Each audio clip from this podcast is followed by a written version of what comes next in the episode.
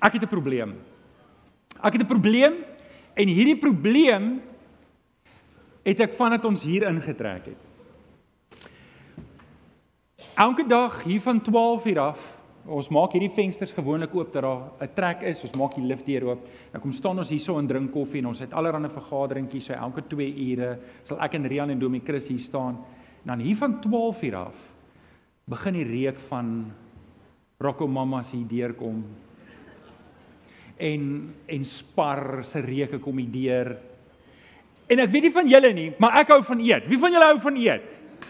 Maar ek is mal oor eet. Ek is mal oor eet. Om die waarheid te sê, ek is ek ek hou so baie van eet. As jy daai mannetjie glo dit of nie is ek vergelyk met hierdie mannetjie. Ek was so maar dalk het 69 kg geweeg. 9 nou kan ek amper 69 kg optel, maar ek sal myself kan optel 69. 69. Ek het gespot altyd. Ek so maar as ek my maag intrek en jy my rugstring sien, is nie regtig so nie. Maar ehm um, maar intussen en dis as gevolg van eet. So ek weet nie van julle nie. Maar ehm um, vas kom nie natuurlik nie. Wie, wie stem saam? Bro, wie van julle staan in die oggend op en sê, "Sjoe, ek is vandag lus om te vas." Dit is Kerstyd nou en ons eet baie lekker oor Kerstyd. En baie keer eet jy op Kersdag en dan sê jy, "Ek het nou so baie geëet, ek sal eers volgende jaar weer eet." Al so gedink. Maar raai wat gebeur daai volgende oggend? Jy's weer Honger, honger. So okay. Vanoggend gaan ek 'n bietjie met jou gesels oor vas, iets wat nie natuurlik kom nie, iets wat nie noodwendig baie lekker is nie. En ehm um, en as jy enigstens soos ek is, dan moet jy beplan daar volgens, jy moet jou emosioneel voorberei en ehm um, en dis wat ek vanoggend met jou wil gesels. Ek dink, ek dink ons praat nie meer vandag baie oor vas nie. Ek weet nie of julle saamstem nie, maar ek wil vanoggend vir jou die voordele en die redes gee hoekom jy behoort te vas. En ek hoop, ek hoop ek kan dit regkry. Laasweek het ons oor die joernaal gepraat. Ek kry al die moeilike preke. Stem julle saam? My Christen Rian kry die lekker goed en dan moet ek oor die moeilike goed preek. Wil as as ek nie klaar gepreek het dan dink, "Ag, dis moeilike goed om te doen." Maar maar ek wil vir jou ek wil vir jou sê dat as jy dit gaan oorweeg om te vas in jou lewe, gaan jy die vrugte daarvan pluk. Jy gaan nie vrugte daarvan pluk. Jy gaan nie voordele daarvan sien in jou lewe en ek wil jou uitdaag vir oggend om te oorweeg om te vas. Nou, dit is nie noodwendig die beste tyd om te vas oor Kersfees nie, maar um, maar eh, vas is 'n goeie ding en ons het een keer 'n jaar het ons 'n vas wat ons hou. Hierdie jaar het ons nie jammer julle met die intrek hier. Nou eintlik moes ons dit gedoen het. Eintlik moes ons 'n vasdag uitgeroep het vir ons gemeente. En onder is 'n informele ding. En kom ek sê nou net voordat jy jou Bybel begin rondblaai, nêrens kry ons die opdrag om te vas in die Nuwe Testament. Het julle dit geweet? Nêrens is daar 'n pertinente opdrag wat sê jy behoort te vas nie. OK. So ek wil net dit sê dat jy sê, Johannes, jy nie besig om wette op te maak nie. Nee, nee, nee. En ek dink John Piper, John Piper sê dit die mooiste. Hy sê, "Food is good, but Jesus is better." Amen. Amen. En en so ek gaan 'n paar konsepte vanoggend met jou deel rondom vas en ek hoop jy gaan uitgedaag wees om dit te oorweeg.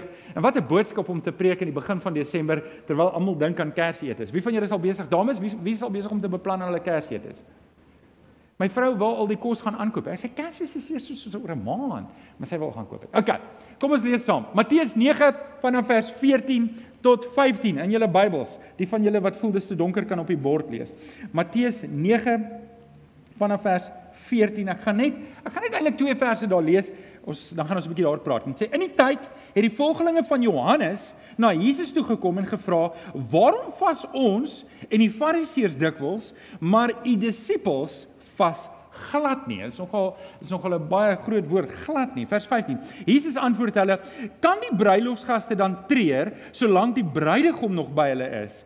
Maar daar kom 'n tyd wanneer die bruidegom van hulle weggeneem sal word en dan sal hulle weer vas. Net net daai paar verse, net daai paar verse. Nou ek wil 'n paar goed uit die Nuwe Testament uithaal want ons gaan vandag heelwat in die Ou Testament tyd spandeer, maar ek wil net eers 'n paar goed aanhaal uit die Nuwe Testament uit wat vir jou wys dat vas tog sterke Nuwe Testamentiese ding is. Want ek weet nie as jy groot geword het in die kerk waar ek groot geword het, was vas iets wat wat ander mense doen. Dis nie iets wat ons kerk doen nie. En en en en ek wil hê jy moet sien dat Jesus en die Nuwe Testament het aanvaar dat gaan gevas word. Nommer 1, Jesus aanvaar dat ons gaan vas. Want hy gee opdragte in Matteus 6 hiervan in vers 16, as jy vas, sê net die woorde as jy vas. Stem julle saam dat dit impliseer dat daar gevas gaan word? Is jy dink julle is 'n veilige taalkundige afleiding? Jesus sê, "Oké, okay, so as jy vas, As jy vas, moenie soos jy skyn heilig is met lang gesigte rondloop nie. Maak jouself mooi.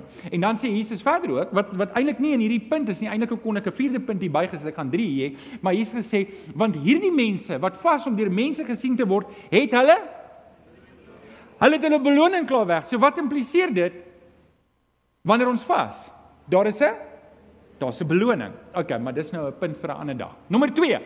Dit lyk asof Jesus verwag dat daar gevas gaan word. Dit lyk asof Jesus van sy disippels verwag dat hulle gaan vas. Ons lees in Matteus 9 vers 15, daar kom 'n tyd wanneer die bruidegom van julle weggeneem sal word en dan sal dan sal hulle vas. So die konteks hier is net Jesus praat met die met die disippels van Johannes die Doper en hulle vra vir die Here, "Maar hoekom vas u disippels?" Hy sê, "Hoorie man, jy beplan rondom hierdie dinge. Jy gaan nie na 'n troue toe en dan vas jy nie. Wie van julle was al by 'n troue en het gevas?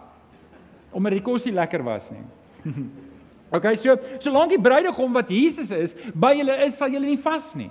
Maar daar kom 'n tyd wat Jesus gaan opvaar hemel toe en dan sal die disippels so dit lyk asof Jesus verwag het dat daar was 'n verwagting dat hulle gaan vas. Maar dan sien ons ook dit is gemodelleer. Ons sien dit is gemodelleer deur die Nuwe Testament in die kerk. Lees ons in Handelinge 13 vers 2, net dat julle weet, hierdie is reg voordat Paulus op sy eerste sendingreis was. So ons lees die kerkleierskap het saam gebid en gepas en die Heilige Gees sê vir die leiers van die kerk sonder vir Barnabas en vir Paulus vir my af en hulle het ook nie geweet wat kom nie. Onthou Paulus was toe waarskynlik 3 jaar tot bekering. Hy dalk gepreek hier en daar, maar dit was net die begin van sy bediening en hy het dit self nie geweet nie. En die gemeente en die leierskap kom toe vas en bid en hulle lê vir Paulus en vir Barnabas die hande op en hulle gaan uit en daar gaan doen hulle die eerste sendingreis. Die eerste van 3 grootes waarna hy in die tronk beland het en daarna het hy 'n klomp briewe geskryf. So wat ek net vir julle probeer sê is in in hierdie geval in Handelinge 13 vers 2, toe hulle op 'n keer bymekaar was om die Here te dien het hulle gevas. Nou daar daar sê daar impliseer dit al klaar dat dit was 'n algemene deel van die kerk kerk se lewe.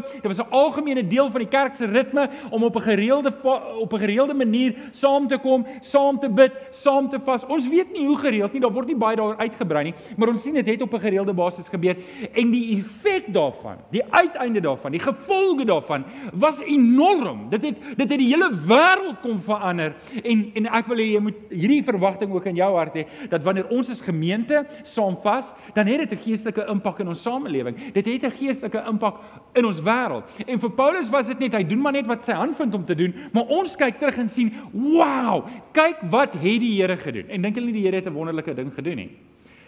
Dink jy nie die Here kan 'n wonderlike ding in jou lewe doen nie?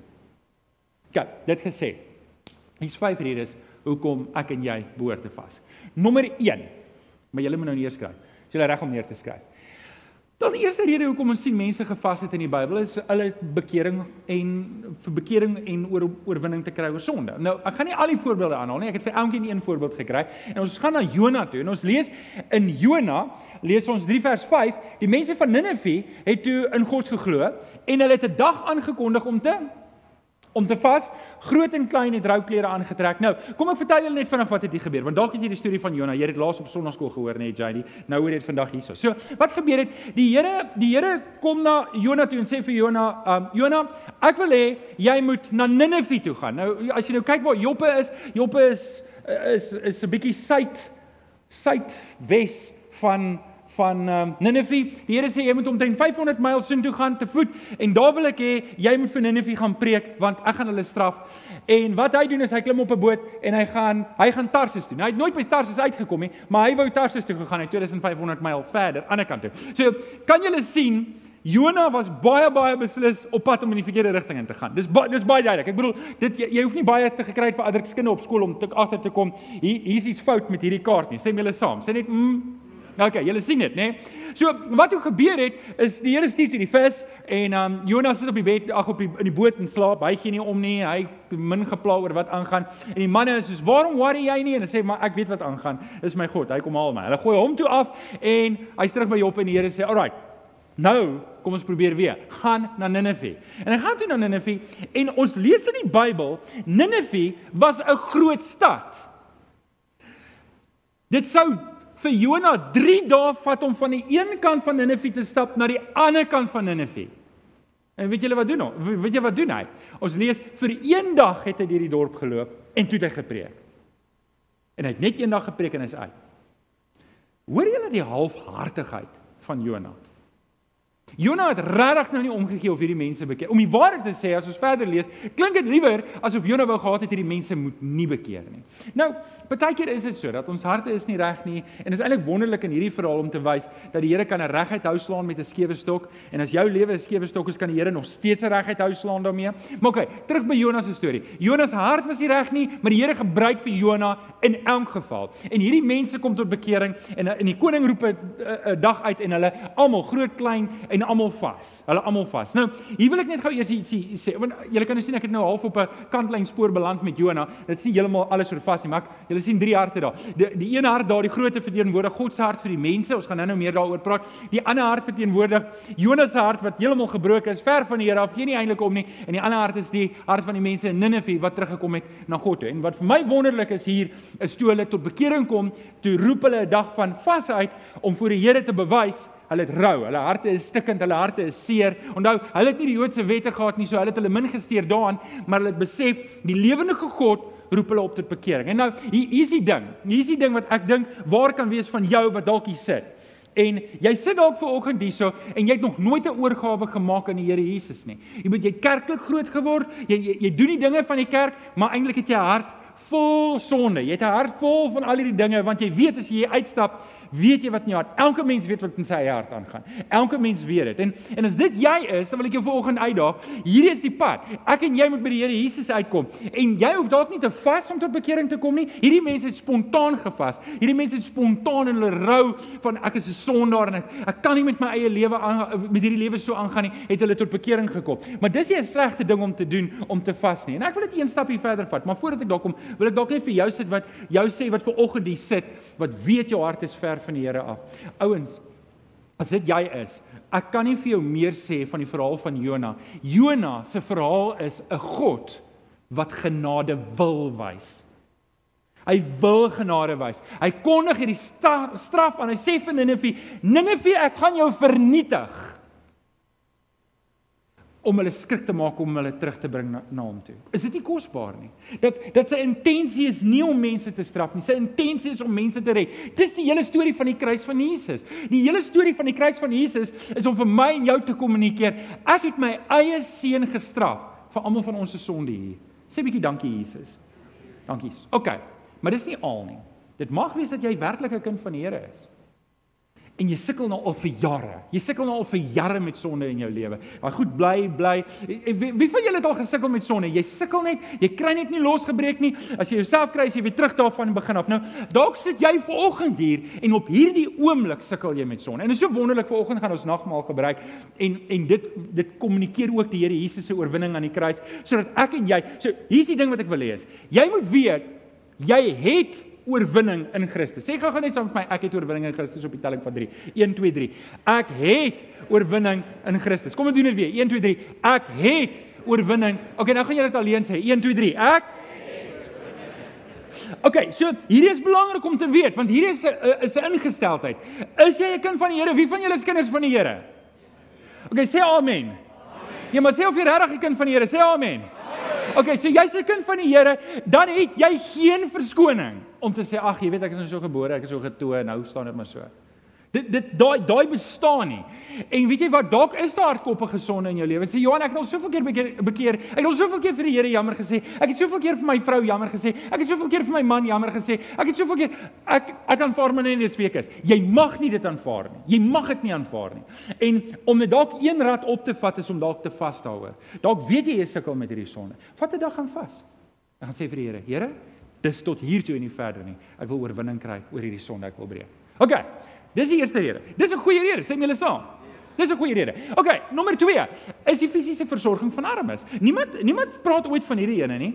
Um maar die Here self het hieroor gepraat in Jesaja 58 vers 6, maar jy moet die hele gedeelte gaan lees. Jy jy moet die hele gedeelte gaan lees eintlik want die gedeelte verder vertel 'n klomp goed wat wat die Here sê hy verwag, maar hier is hierdie volk, die Israeliete, hulle het gevas, maar hulle het gevas uit blote ritueel uit. Hulle het gedink dit is die ritueel in dit self wat die Here beïndruk. Nou, ek wil net gou-gou hê jy moet mooi verstaan. Die Here is nie beïndruk met my en jou en rituele nie. As jy as jou ritueel is om elke Sondag kerk toe te kom, dan is dit meer om my en jou gewete te sis as wat dit gaan oor die Here. Maak dit sin? So, die Here soek 'n verhouding. Hy wil hê ek en jy moet interaksie met hom hê. Ons moet 'n intieme verhouding met hom hê. Nie net um nie net rituele doen en goedjies doen en want dan is dit soos die heidene. Dis wat hulle gedoen het. So, Jesaja 58 vers 6 sê die Here vir die volk want hulle vas, is dit nie die vas wat ek wil hê nie? En dan gee hy 'n klomp goed. Weet die ouens wat onregverdig behandel word, die slawe, al die goed. Hy gee 'n hele lys, maar hier is een waarop ek wil staan stil staan. Is dit nie dat jy vir die wat honger is van jou brood gee nie? Om die woorde te sê die teks lees, sal dit amper klink is die dag wat jy vas, moet jy nog steeds kos gaan maak en jy moet daai kos gaan vat vir iemand wat nie kos het nie. So in plaas van om net te vas en te sê, "Wel, gelukkig of ons nou die kos te maak vandag, nie vroutjie, jy's af vanaand." Ek vas vandag. Ek sê, "Ja, wens my man wil meer vas." Dis 'n grapie, hoor.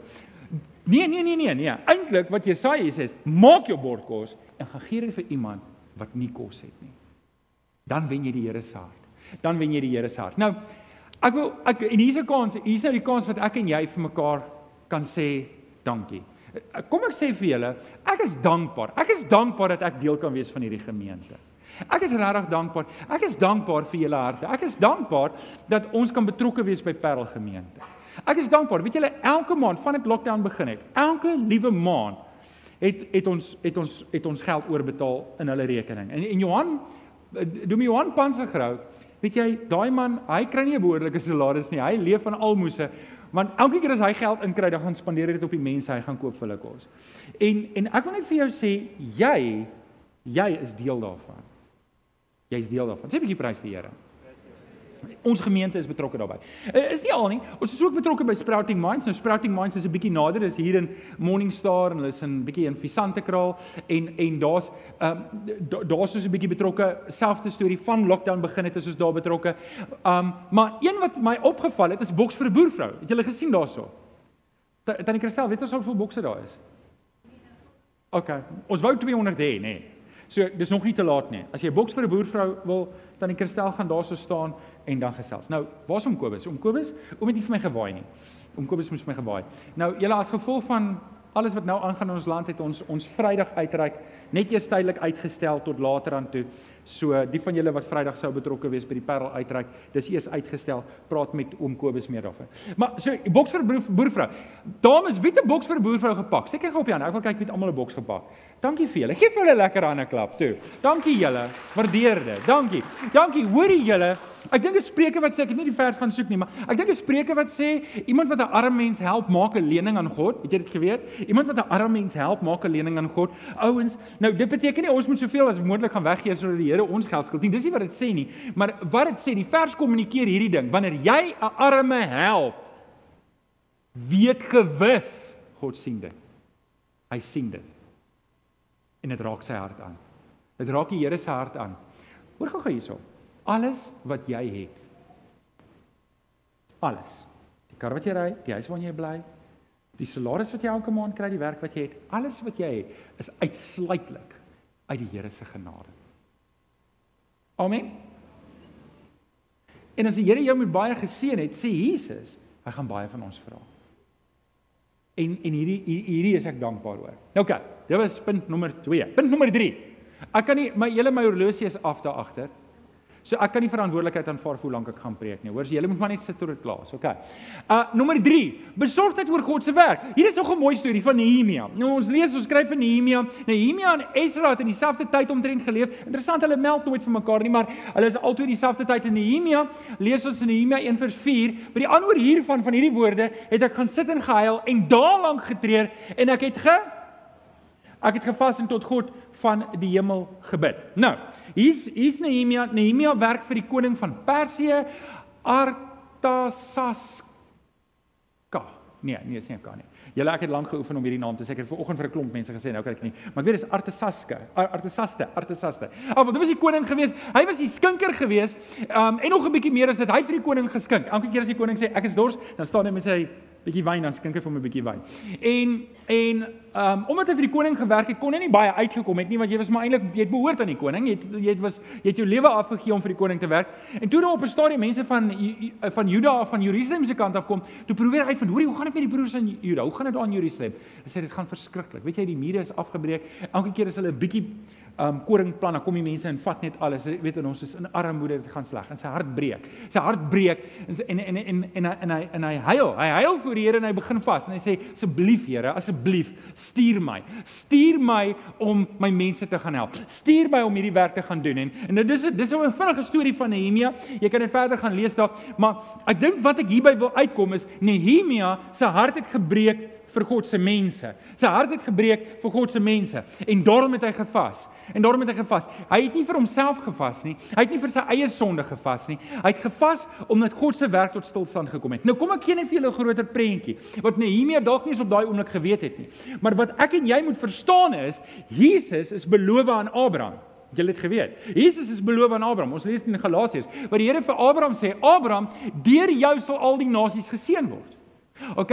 So met ander woorde, die die die Israelitiese bloedlyn moes suiwer bly tot Jesus gebore is. Dis wat Galasiërs sê, daai belofte wat daai daai belofte wat God gemaak het aan Abraham, het Jesus voortgebring. En hier is 'n belangrike deel, hierdie werk van Nehemia was 'n belangrike deel om God se werk behoue te hou. So kan julle sien hoekom ek hierdie punt maak dat wanneer my hart breek vir God se werk, wanneer my hart breek vir mense en in in die algemeen, dan is ek besig om op God se agenda te wees. En en weet jy wat nê, nee, wanneer ek en jy vas hieroor, wanneer ek en jy vas oor die werk van die Here, wanneer ek en jy vas, nie net vir ons gemeente nie, wanneer ek en jy vas en ons bid vir die Parel gemeente, wanneer ek en jy vas en ons bid vir die Gideons, ek en jy wanneer ons hierdie goed doen, dan dan klop ons hart gesinkroniseerd met God se hart. En wat vas doen, vas fokus my hart op dit wat God besig is om te doen. Ongelukkig het ons 'n houding in ons samelewing. Dit raak my nie. Wat is dit dit raak my nie. Wat wat daar's mos 'n idiom gesegde wat gesê word. Maar in Engels is dit mooi. I couldn't care less. En en ons mag nooit blasey raak oor die werk van die Here. Ons mag nooit dik vellig raak en en net nie meer worry nie. Ons ons mag nooit ophou omgee oor die werk van die Here nie. En hierdie is een van die redes hoekom ons moet vas. Is vir die werk van die Here, vir die koninkryk van die Here. Ek en jy moet vas. As as as jy nie weet of jou bure gered is of nie gered is nie, dan is dit my en jou werk om dit uit te vind. En ek en jy moet half en half 'n kort lys hê sê, hier is die vyf mense wat ek gaan voorbid wat gered moet word. Hier is die vyf mense wat die Here op my hart lê waarvoor ek gaan bid en ek gaan van tyd tot tyd tot hulle vas vir hulle oor hulle vas en ek gaan vir die Here vra, Here, gee hierdie mense vir my. En elke gelowige behoort so 'n kort lys te hê vir wie hy bid. En hier's die ding. As ek en jy nie die wêreld gaan vertel van Jesus nie, as ek en jy nie hierdie wêreld gaan gaan vertel van Jesus Christus en die verlossing wat Jesus aan die kruis kom doen het nie, vir vergifnis van sondes nie, wie gaan dit doen? Ons het groot geword dat dit die domie se werk, nê? Onthou julle dit? Ons het groot geword as die domies werk. Ons het groot geword, hoor jy 'n gewone ou kan nie 'n Bybelstudie aanbied nie, hoor? Los dit vir die pros. OK, die domies sal dit doen. Dis 'n grapjie, hoor? OK. Dis nie hoe dit is nie. Elkeen van ons het 'n verantwoordelikheid.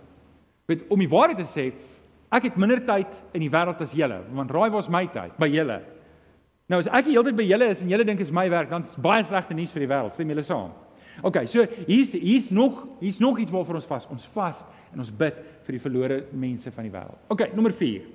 Dis versterking van ons gebed. Uh, en en en miskien, okay, ek gaan dit nie vooruit hardop. Ons lees van Daniël in Daniël 9 vers 3 lees ons: "Daarom het ek my na die Here toe gewend in gebed en smeking en ek het gevas, ek het rou klere aangetrek en ek het as op my kop gegooi." Nou dit was dit was vir die straf wat op die volk was en hy hy het gebid en gevas vir die mense, sy volkmense wat in sonde was en hy het die Here gevra vir uitkoms. Maar hier is die ding wat vas doen. Vas fokus my en jou gebed.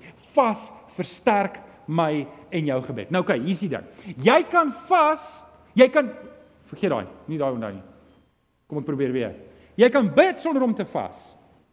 Maar jy kan nie vas sonder om te bid nie. Kan ek dit herhaal? Jy kan Dankie, Adrian. Jy kan bid Adrian, jy kyk eers om seker te maak. Jy kan bid sonder om te vas, maar jy kan nie vas sonder om te bid nie. Dit noem ons net sommer 'n slegte dieet. Moenie dit doen nie. OK? Hier's wat hier's wat vas doen. Vas nommer 1 ondersteun jou gebedstyd. Nommer 2 is dit fokus jou jou gebed. En nommer 3 is dit versterk jou gebed. Weet jy wanneer jy vas, wat wat gebeur met jou as jy vas? Jy word Kom ek kyk gou, weet weet al gevas. Het al gepas. OK? Die van julle wat julle hande nie opgesteek het, ek gaan julle uitdaag, julle julle moet oorweeg om te vas, OK? So wanneer jy honger raak, wat doen dit? Dit fokus jou aandag. Jy weet hoekom jy jy honger is. Ek het dit Woensdag aand vertel, kan ek dit vanaand weer vertel?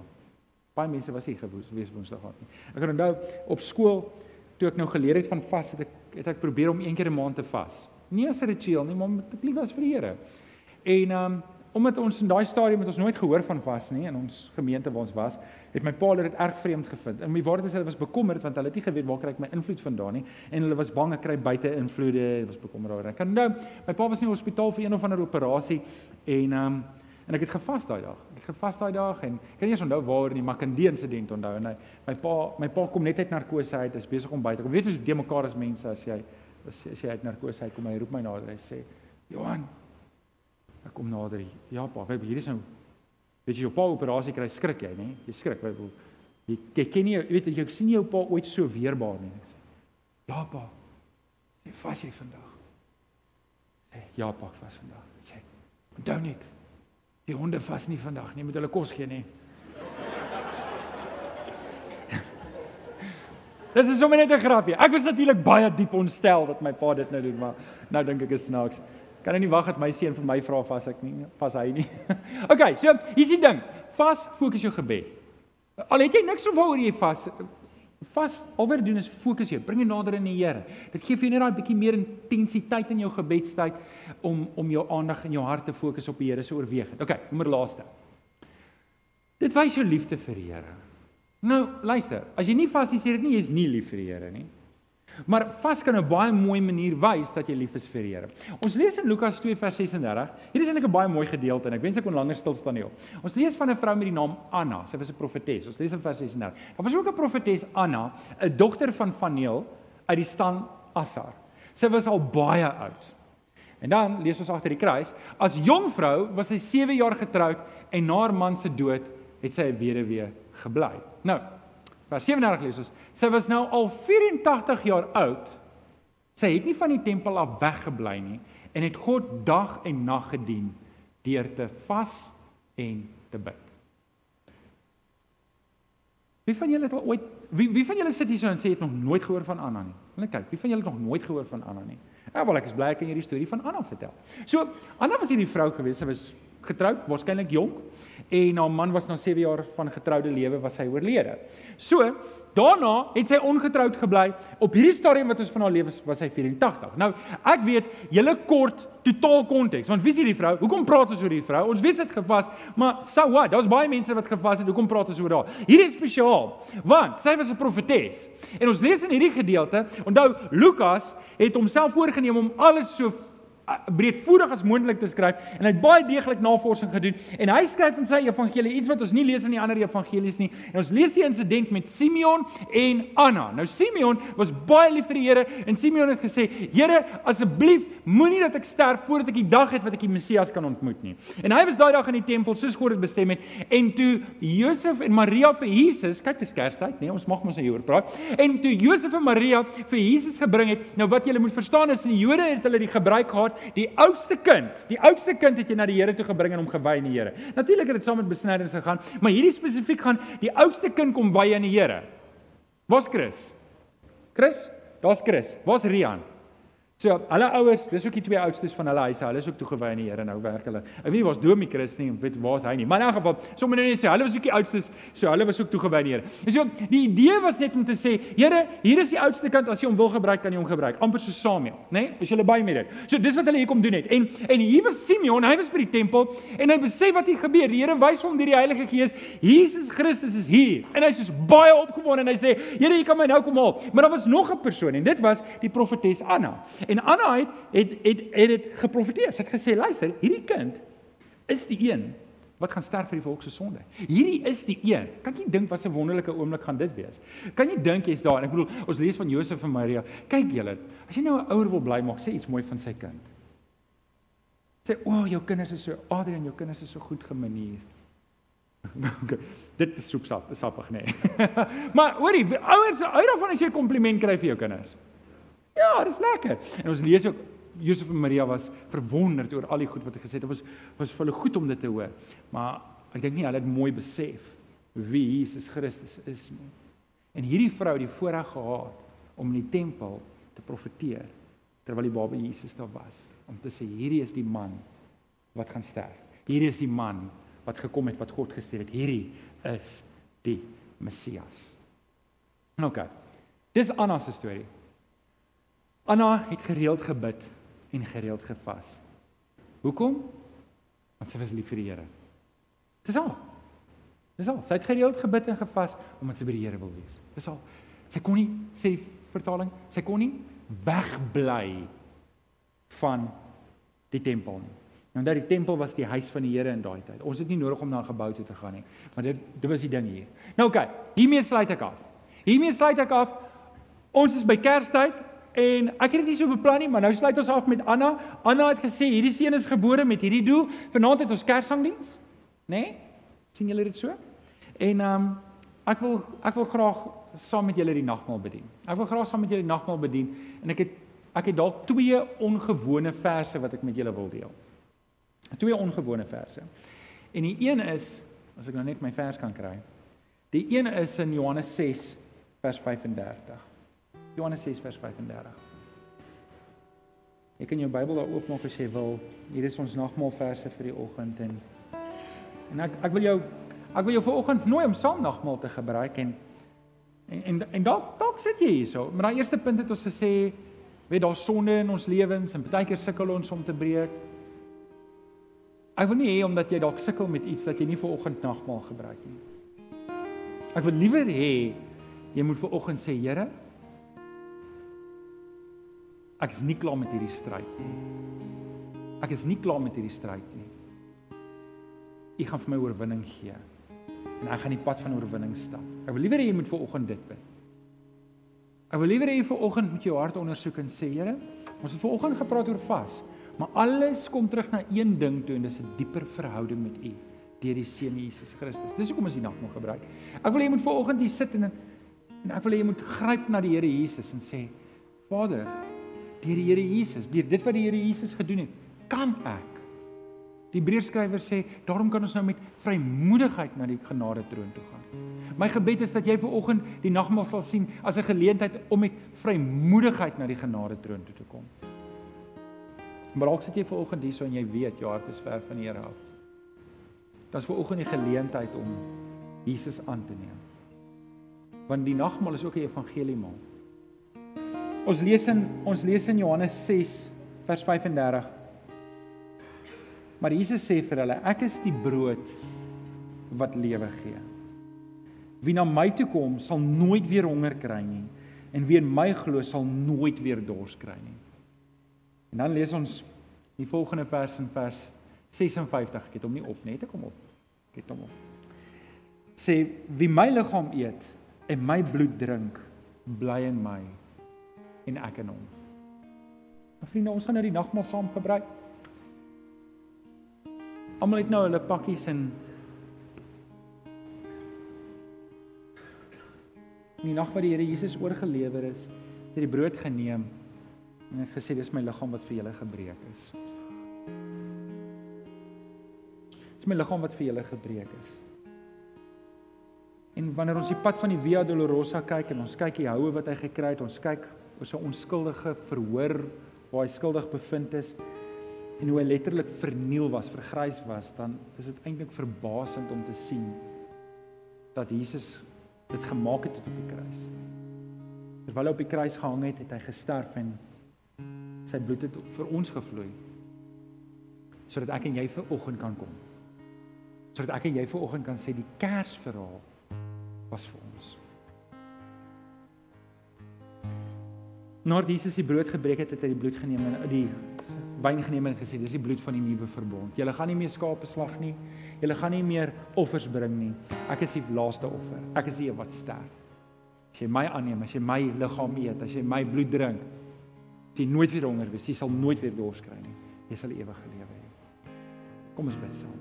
Vader, Baie dankie dat ons saam die nagmaal kan gebruik vir oggend en Here, waar ons kyk na die brood en ons kyk na die sap, dan dink ons aan dit wat die Here Jesus vir ons gedoen het en dan weet ek, Here, hier sit ver oggend mense wat U nie ken nie.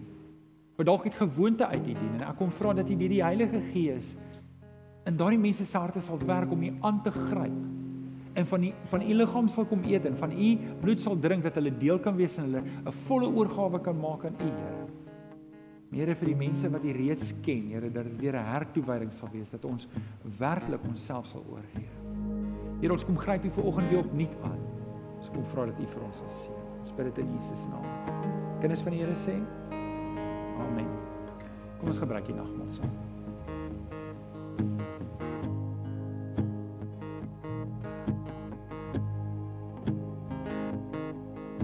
Ek trek weg by my huis en ek ontvang 'n video oor 'n dogter van Oranje Meisie Skool Magie Troski.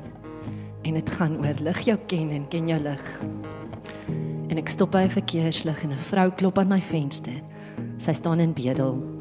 En ek wonder hoe het sy hier gekom? Wat maak sy hier? En soos ek verder ry op Radio Tygerberg speel 'n liedjie. Look up child. En die Here praat met my daar in die kar en hy sê, "Weet jy wat?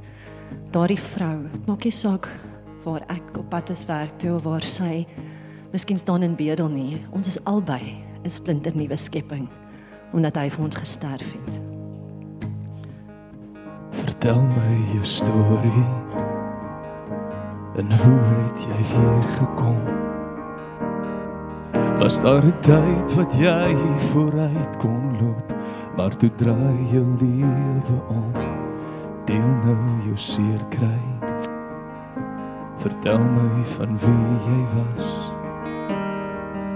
Want ek bring vir jou die goeie nuus vir jou pyn en al jou swaar kry. En jy is 'n splinter nuwe skepe. En daar is hoop en daar is rede. En hom wat sy lewe neerlê. Onthou wat die belofte vir jou sê. Jy lig jou ken in ken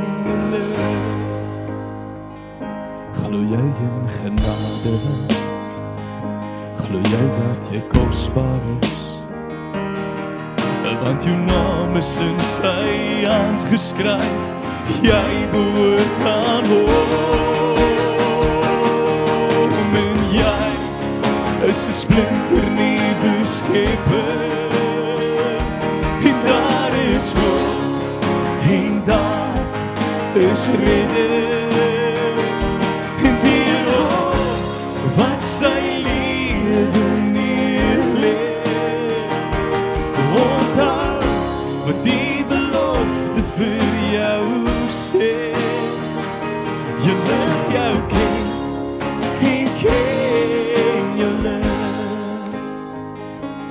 Kyk nou op kind, na jou koning, waar hy is vanuit sy hemel woning.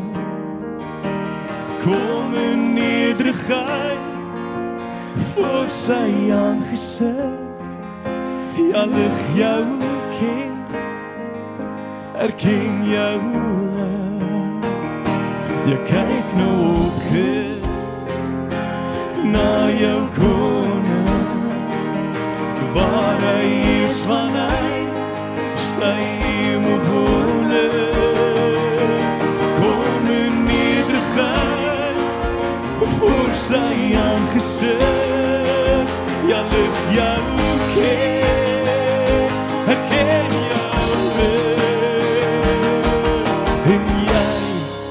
is 'n splinter nuwe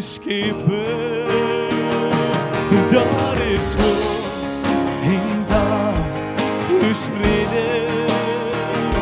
En die rook wat sy lewe neerlê. Onthou wat die belofte vir jou sê Ja lig jou ken en ken jou lig Ja lig jou ken en ken jou lig Ja lig jou ken en ken jou lig